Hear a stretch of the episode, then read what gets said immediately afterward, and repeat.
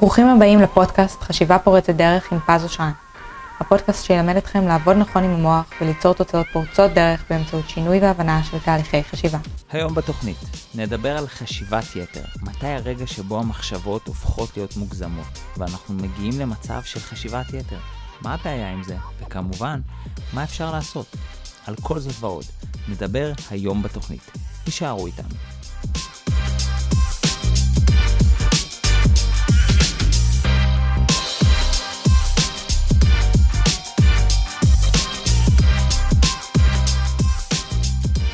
היי hey, חברים, מה שלומכם? ברוכים הבאים לפודקאסט חשיבה פורצת דרך. אם יש כאן אנשים שעדיין לא מכירים אותי או חדשים, אז בואו רגע נכיר. נעים מאוד, קוראים לי פז אושרן, אני מאסטר ומורה לתחום הזה שנקרא NLP, בארצות הברית גם מאסטר בהיפנוזה.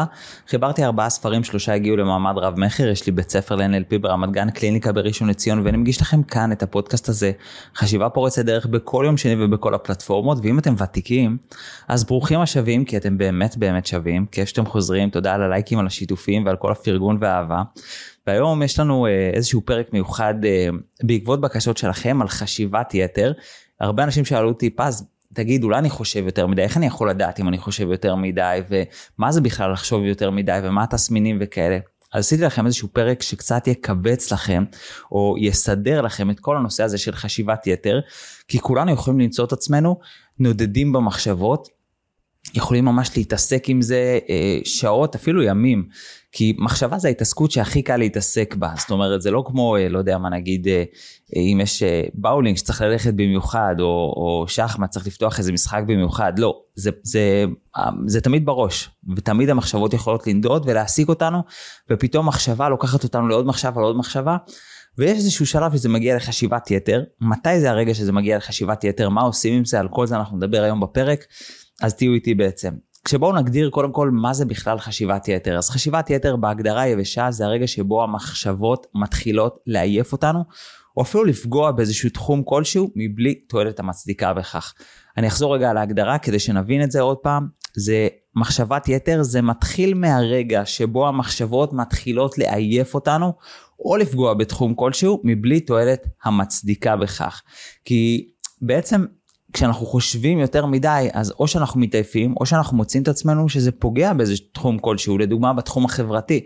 אדם שיושב עם חברים ופתאום הוא חושב יותר מדי ומנתח, אני בסדר, אני לא בסדר, אני עושה טוב, אני צריך לפעול אחרת, הוא בעצם פוגע בתחום החברתי, ושם זה נהיה חשיבת יתר. מצד שני, יש אנשים שיגידו, תשמע, פז, אבל אולי זה לא חשיבת יתר, אולי דווקא הפוך, אני חושב כל כך הרבה עד שאני מוצא פתרון, ובגלל זה ההמשך זה בלי תועלת שמצדיקה בכך. זאת אומרת, אתה לא מפיק מזה איזושהי תועלת, וזה באמת יכול לקרות. אז uh, יש את המטאפורה שאומרים שמחשבת יתר זה כמו איזשהו כיסא נדנדה שנותן לך את התחושה של תנועה שאתה מתקדם, אבל בתכל'ס זה משאיר אותך במקום.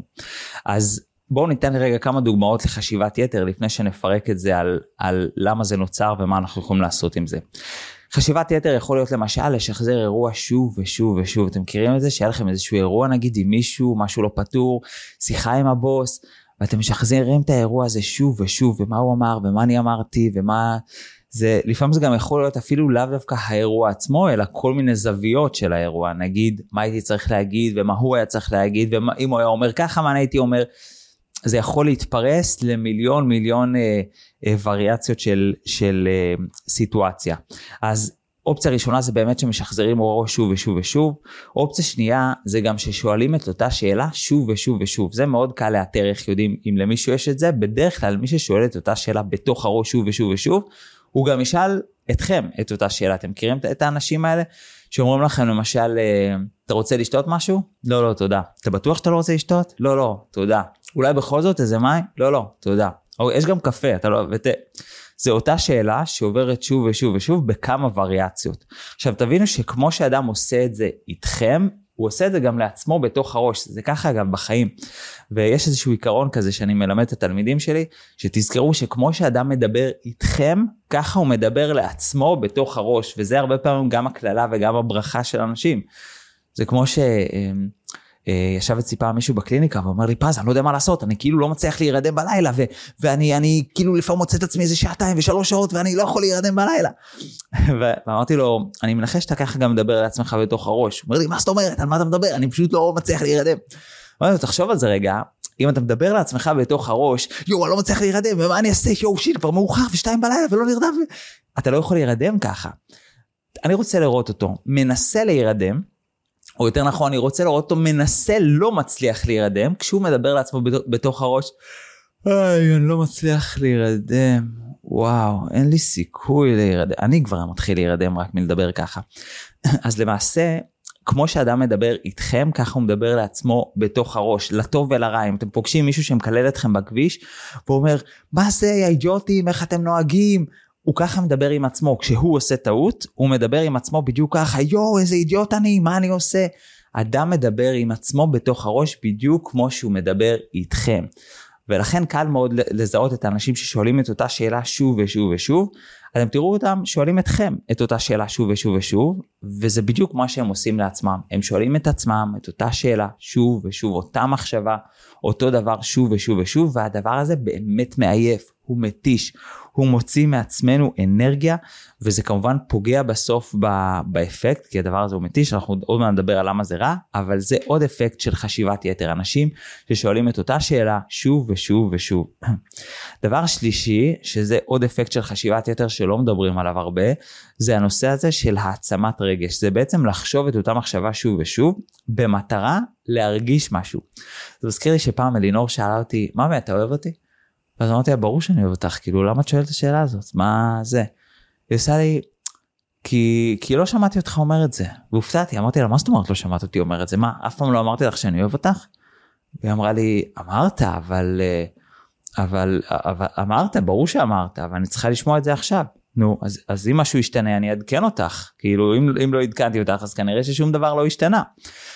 ואז נשאלת השאלה רגע אם אמרתי לה ולא השתנה משהו אז למה בכל זאת היא שאלה את זה? כי לפעמים אנחנו צריכים להרגיש משהו. והרבה פעמים אנחנו עוברים שוב ושוב על מחשבה כי יש איזה רגש שאנחנו מחפשים להרגיש. וזה דבר חשוב שאנחנו נדבר עליו עוד מעט. לפעמים הרגש יכול להיות חיובי אנחנו נזכרים שוב ושוב באיזושהי סיטואציה שגורמת לנו להרגיש טוב. לפעמים הרגש יכול להיות שלילי. אדם משחזר שוב ושוב רגש אה, אה, משהו לא טוב שהוא עשה כי הוא מחפש להרגיש אשמה. זה לא שבאמת הוא רוצה להרגיש אשמה, אבל יש לאשמה איזושהי כוונה חיובית, יש לזה איזשהו יתרון. בעצם האשמה באה להגיד לו, היי, תרגיש רע כדי שתבדוק מה עשית רע, ובעצם הוא מחפש להרגיש את האשמה כדי שהוא יחפש ללמוד מזה. ולפעמים אנחנו נחשוב שוב ושוב על אותה מחשבה, כדי שאנחנו נחפש איזשהו רגש, אנחנו כאילו נוציא ממנו, נתמצת אותו לאיזשהו רגש. ואלה המקרים שבהם קוראים לנו חשיבת יתר. אז בואו נדבר רגע למה זה רע. אז למה זה כל כך רע אם אני משחזר אירוע שוב ושוב, או אם אני שואל שוב את אותה שאלה, אם אני מחפש להוציא מזה איזשהו רגש, מה כל כך רע בזה? מה, הבעיה עם זה? אז האמת יש שני תסמינים שליליים, שתי בעיות אה, שעשויות לקרות אם אנחנו חושבים חשיבת יתר. הדבר הראשון זה בעצם חוסר אנרגיה. זה ממש גורם לנו לחוסר אנרגיה, זה מעייף, תחשבו על זה. ש... חשבתם על אותה מחשבה שוב וכבר התעייפתם, טחנתם את זה, אין לי כוח להתעסק בנושא הזה, למי יש כוח עכשיו להתעסק בזה? ואנחנו מגיעים למצב שאנחנו מקיאים מאותו נושא. ו... ואז כשאני רוצה בעצם אה, ללמוד מזה או לעשות איזשהו משהו יותר אפקטיבי, אולי אפילו להתעסק בזה בצורה אפקטיבית, כבר אין לי כוח. אבל גרוע מזה, אין לי כוח לפעול. בעצם כשאני צריך לצאת ולפעול באותו תחום, למי יש כוח? כבר נגמר לי הכוח, הוצאתי את כל הכוח מלדבר על זה, אז לא נשאר לי כוח בלעשות את זה. ולכן האפקט הגרוע הראשון זה שזה בעצם מוציא ממני אנרגיה ואז גם מוציא ממני את היכולת לפעול. זה אפקט גרוע מספר 1. אפקט גרוע מספר 2 זה שזה גם אין לי פוקוס, זה מוציא ממני את הפוקוס כי חשיבת יתר עשויה להשתלט עליי על המקומות, במקומות הלא מתאימים, ואני עשוי למצוא את עצמי ממש לא ממוקד, זאת אומרת פתאום אני קופץ מנושא לנושא ואני מפוזר, ובמקום שזה יעשה לי, יעשה לי יותר סדר, זה עושה לי יותר בלאגן. ואז אני חושב על זה הרבה עד כדי כך שאני כבר מרגיש שהדבר הזה מציף אותי וגדול עליי. וזה בעצם האפקט השני. בואו נדבר רגע למה זה נוצר, איך אנחנו מגיעים למצב שיש לנו חשיבת יתר, למה, איך יכול להיות שאנחנו מגיעים למצב של חשיבת יתר, למה זה קורה ומה יוצר את הדבר הזה. אז יש אה, כמה דברים, שלושה במספר. הדבר הראשון זה כשאין לנו דרך. אנחנו לא יודעים איך אנחנו יכולים להפיק את המקסימום מאותו נושא, וכשאנחנו לא יודעים אנחנו פשוט נסחפים עם המחשבות. זה כמו, אני לא יודע אם אתם מכירים את זה, אם אתם מדברים עם בן אדם, ואתם יודעים שאתם רוצים לדלות ממנו איזשהו מידע, או אתם רוצים להתחבר, אתם יודעים איזה משהו, אבל אתם לא יודעים איך לעשות את זה, אין לכם באמת איזושהי דרך בראש. אתם אולי גם לא עשיתם את זה הרבה, או גם כשעשיתם את זה זה לא היה מוצלח, אז זה יוצא כזה קצת קלאמזי, כי כאילו אתם מנסים הכל, יורים הכל, וזה די מה שקורה בחשיבת יתר. אנחנו בעצם, אין לנו דרך מה אני עושה עם המחשבות שלי, איך אני מפיק את המקסימום מהמחשבות שלי, מה אני יכול להוציא מהמחשבות שלי כדי לסיים את זה כמו שצריך אחת ולתמיד, ואז אנחנו מוצאים את עצמנו פשוט חושבים על זה בכל הזוויות. ולכן זה קורה בגלל שאין דרך. דבר שני שבגלל שזה קורה, זה כי אין הקשבה למסר. תחשבו על זה שכל מחשבה, גם אם מטרידה וגם אם בעייתית וגם אם לא נעימה, יש לה איזושהי מטרה. אין מחשבה באמת שלילית. וזו הנחת יסוד מאוד מאוד חשובה שאני מנחיל לתלמידים שלי, לדעתי גם בפודקאסט זרקתי את זה כמה וכמה פעמים. מאוד מאוד חשוב לזכור, אין באמת מחשבה שלילית. גם לצורך העניין, פעם מישהו שאל אותי באחד הקורסים, מה, אם אני חושב על האקסית שלי, זה, זה גם לא שלילי, כי זה תוקע אותי, אני לא יכול להתקדם, זה, זה בסוף משאיר אותי מאחור, אז איך אתה יכול להגיד לי שזה לא שלילי כשזה משאיר אותי מאחור? אז לא. האפקט אולי הוא שלילי, אבל המחשבה הזאת שאתה תקוע על האקסית שלך, היא לא מחשבה שלילית, היא באה אולי להזכיר לך איך נראה רגע טוב, כדי שבפעם הבאה כשאתה מחפש מישהי, תדע מה אתה מחפש, תדע איך זה נראה רגע חיובי שגרם לך להרגיש טוב. אולי זה, אולי זה בא לתת לך את הרגע הזה להרגיש טוב, כי אולי הוא חסר לך. זה בא לתת משהו חיובי. זה לא אומר שזה בהכרח נותן משהו חיובי, אבל זה בא לתת משהו חיובי. ויש פה איזשהו הבדל בין השניים. זה כמו שאימא שלי, שלי נגיד מאוד חשוב לה שאנחנו נהיה משפחתיים. אז שנאהב אחד את השני ונדבר אחד עם השני, אז הכוונה עצמה היא חיובית, אבל האפקט, האיך שזה קורה, זה תמיד יוצא הפוך, זה תמיד יוצא עקום. זה תמיד כזה, אני רוצה שאתם תדברו ואני רוצה שאתם תהיו בקשר, וזה תמיד מוציא את החשק, וכאילו, מה, נו, מי רוצה לעשות את זה עכשיו? זה תמיד כזה ככה. אז הרצון עצמו, הכוונה עצמה, היא חיובית. האפקט, מה קורה בפועל, הוא לא. והרבה פעמים גם המחשבות והרגשות הם אותו דבר. זאת אומרת, הכוונה עצמה היא חיובית. ניתן רגע עוד דוגמה, עשיתי משהו לא בסדר, ואני חושב על זה שוב ושוב ושוב, ואני טוחן את זה. הכוונה עצמה היא חיובית. זה כדי שאני אוכל ללמוד מזה, כדי שאני אוכל ליישם את זה, להבין מה אני יכול לעשות חדש, מה לא לעשות לפעם הבאה, הכוונה עצמה היא מדהימה. האפקט הוא בעייתי, כי זה גורם לי להרגיש אשמה ולהסתגר ולהוריד לי את הביטחון ולהרגיש שאני לא טוב. וזה ההבדל. וחשוב להפריד בין האפקט לכוונה. כי גם מחשבות יתר, באפקט הן יכולות להיות שליליות, אבל בכוונה זה חיובי. וכל עוד אנחנו לא מבין, מקשיבים מה המסר ומה הכוונה החיובית, מה זה בא לתת לי, אני עשוי למצוא את עצמי נלחם בזה. כי אם נשתמש אפילו באותה דוגמה, שבה עשיתי משהו לא בסדר, והמחשבה מציפה אותי ואני שוב ושוב ושוב משחזר בזה ויש איזה כוונה חיובית זה בא ללמד אותי שעשיתי משהו לא בסדר ובוא נבין מה לא לעשות לפעם הבאה אם אני לא מבין את זה, אני אמצא את עצמי נלחם במחשבות שלי. אני אמצא את עצמי במלחמות נגד, אה, אה, נגד המחשבות, וזה דבר בעייתי ומעייף. אנשים נלחמים במחשבות, וזה ממש מוריד מאיתנו אנרגיה. האידיאל שנעבוד עם המחשבות ולא נגד המחשבות שלנו. זאת אומרת שאנחנו נדע לעבוד בשיתוף פעולה עם המחשבות, שאנחנו נדע להפיק מזה את המקסימום, שאנחנו נדע לגרום למחשבות לדרבן אותנו לפעולה ולא להוריד אותנו ולעייף אותנו. ולכן אנחנו רוצים להקשיב למסר ולעבוד עם המחשבות ולא נגד המחשבות. דיברתי על זה קצת בפרקים עם רגשות, שאנחנו לא רוצים לעבוד נגד הרגשות, אלא עם הרגשות, כל רגש, גם אם הוא לא נעים, אין רגש שלילי, רגש שהוא בא לתת לנו משהו. כנ"ל על מחשבה. היה לי ממש לא מזמן מישהו בקליניקה, שהוא בא אליי אחרי שהוא היה אצל אחד הבוגרים שלי, ויש לי בוגרים טובים, זאת אומרת, הרבה פעמים אני ממליץ על אחד הבוגרים שלי, ויש לי בוגרים באמת טובים ומומלצים, והוא בא אחרי שזה לא עזר לו. והוא אמר, תשמע, אני מרגיש שאני צריך משהו יותר מזה. אמרתי לו, אוקיי, אני איתך. ו... וקבענו לפגישה ועשינו איזושהי פגישה. ומה שהיה מעניין בפגישה זה שלא עשיתי לו שום טכניקה, לא עשיתי איזה תרגיל ב-NLP או משהו כזה.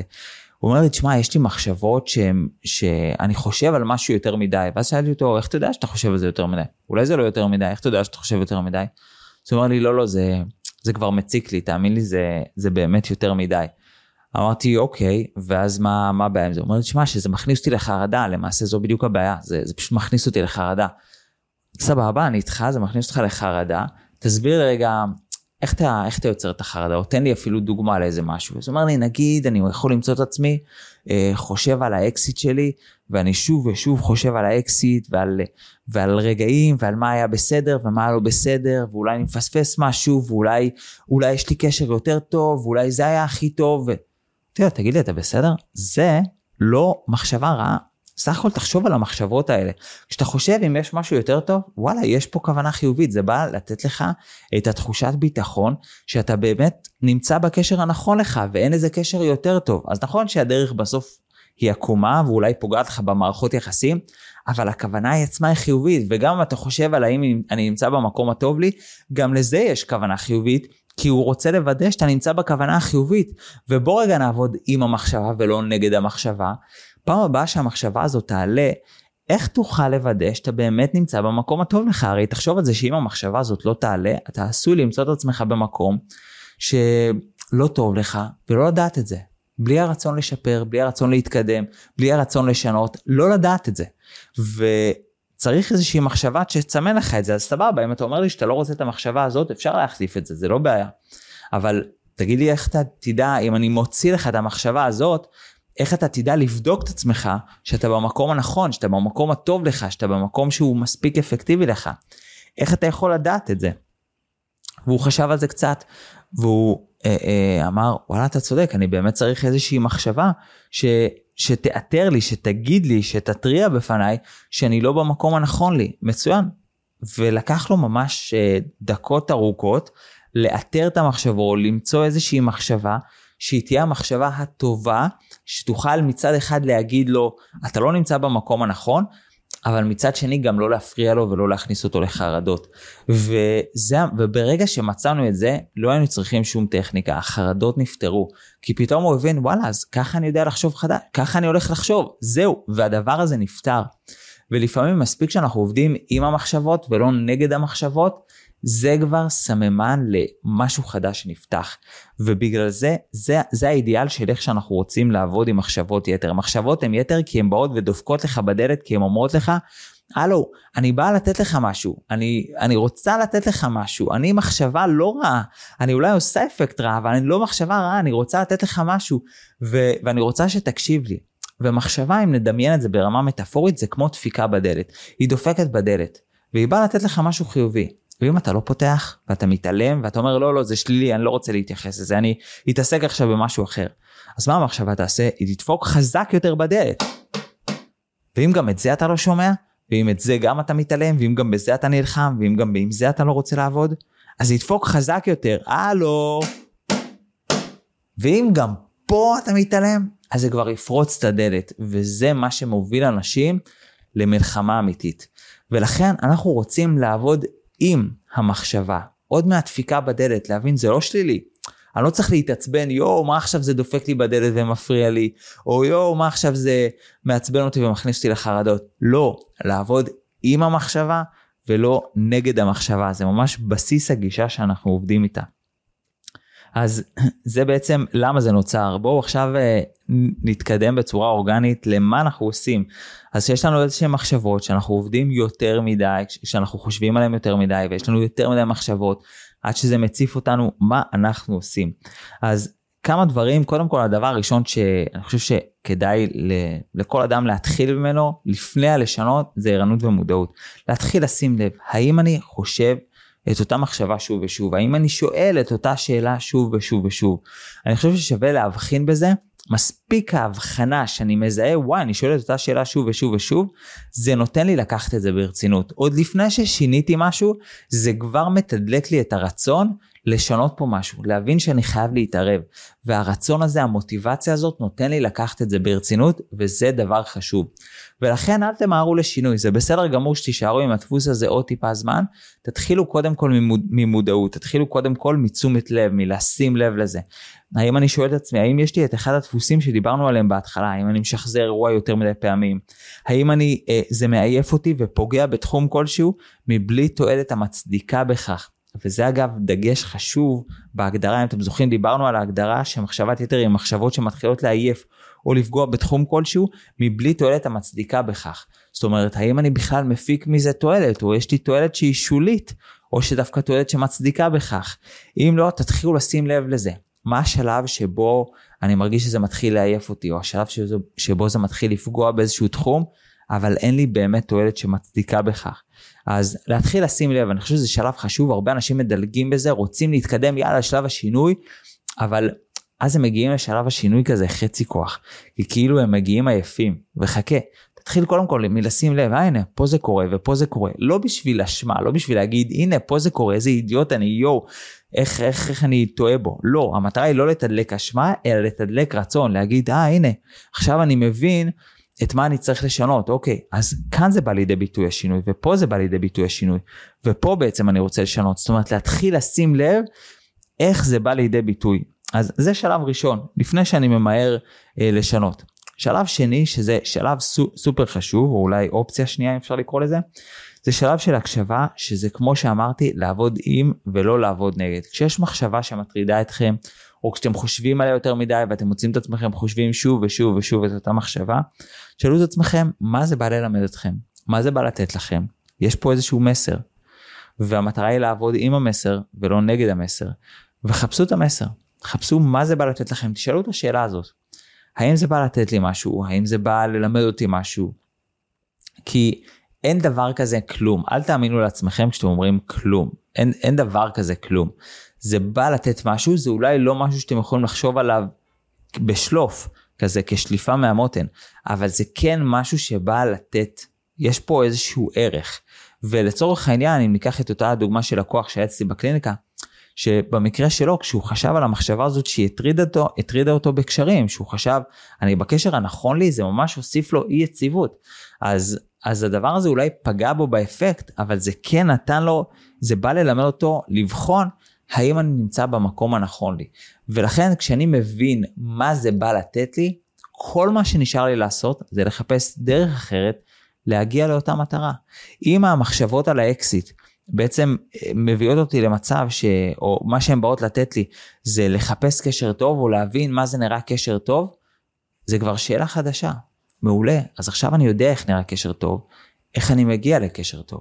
אני פתאום מבין מה זה בא לתת לי, וכל מה שנשאר לי לעשות זה להחליף את הדרך הזאת בדרך חדשה. בעצם מה הדרך החדשה שאיתה אני יכול להגיע לאותו מקום, לאותה כוונה חיובית, לאותו המסר. וזה הדבר השני. דבר שלישי, אגב, מאוד מאוד יעיל, זה לעבוד עם מגבלת זמן. לתת דדליין לכמה זמן אני הולך לחשוב על הדבר הזה. וכשאני נותן דדליין, המוח פשוט מתכוונן לזה. ויש איזשהו קטע, אני מעודד אתכם לנסות, פעם מישהו שאל אותי, פז, מה אתה ממליץ לי לעשות לכעס, כשאני ממש ממש כועס וזה מלווה אותי כל היום. אז מה שאמרתי לו לעשות, אמרתי לו, תקשיב מה תעשה, תסתכל בשעון בפעם הבאה שזה קורה, ותגיד לעצמך, תראה עכשיו לא מתאים לי לכעוס, אני הולך לכעוס היום בשמונה בערב. עכשיו זה קטע, שכשהוא אמר אני הולך לכעוס היום בשמונה בערב, הדבר הזה נרגע. למה זה נרגע?